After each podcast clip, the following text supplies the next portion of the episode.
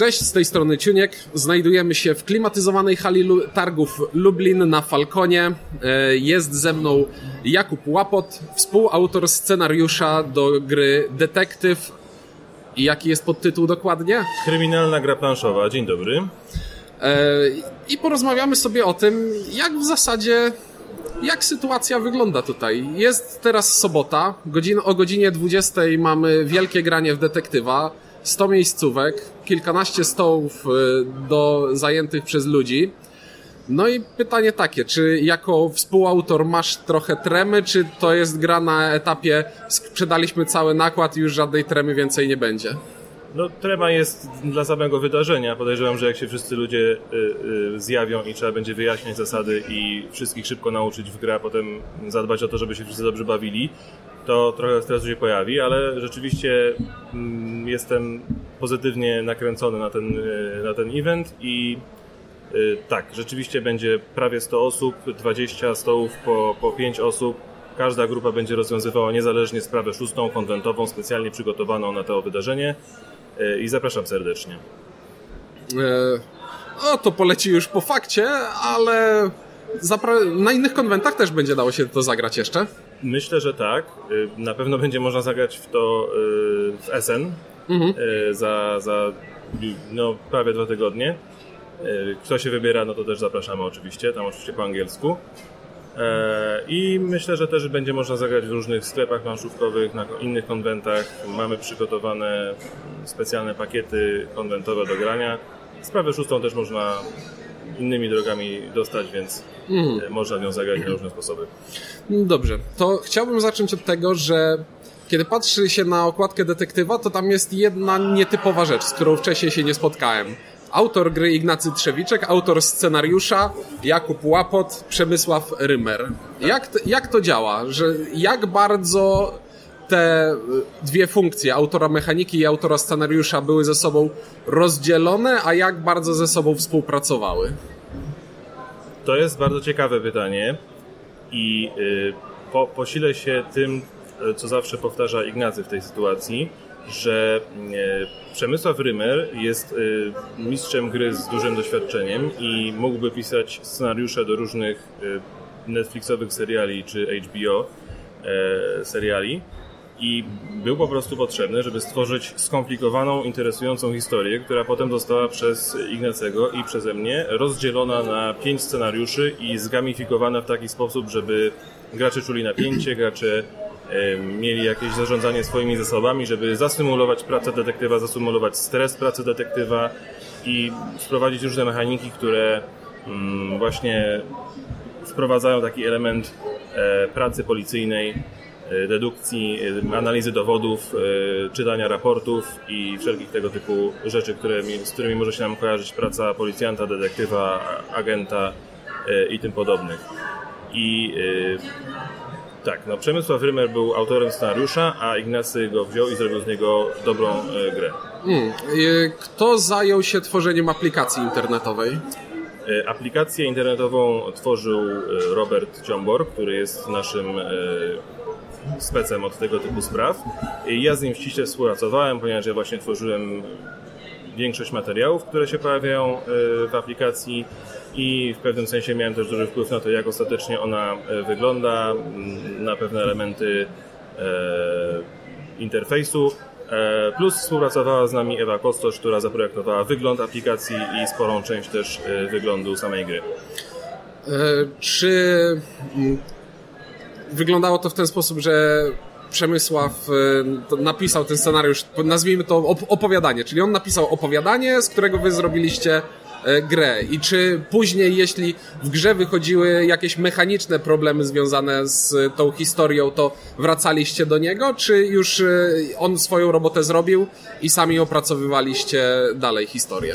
Do końcowego etapu prac nad detektywem współpracowaliśmy ściśle z Przemkiem i modyfikowaliśmy historię, żeby właśnie ją dostosować do e, mechaniki, albo modyfikowaliśmy mechanikę, żeby lepiej e, przekazywała to, co chcemy e, z grą zrobić i to, co chcemy zaproponować graczom.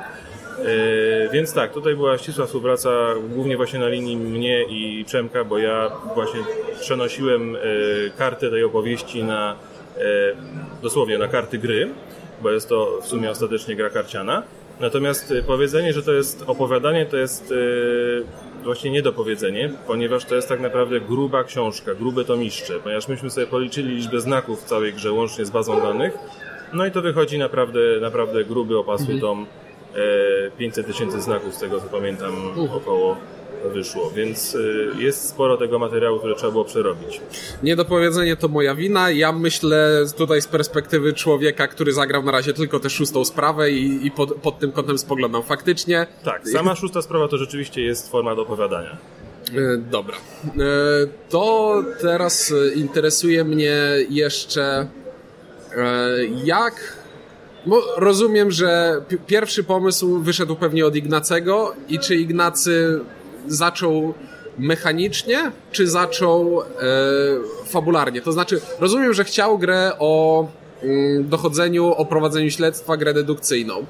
Jak, na jak wczesnym etapie zaczęły pojawiać się mechaniki, czyli te żetony umiejętności, odwracanie kart, e, mechanika czasu, stresu?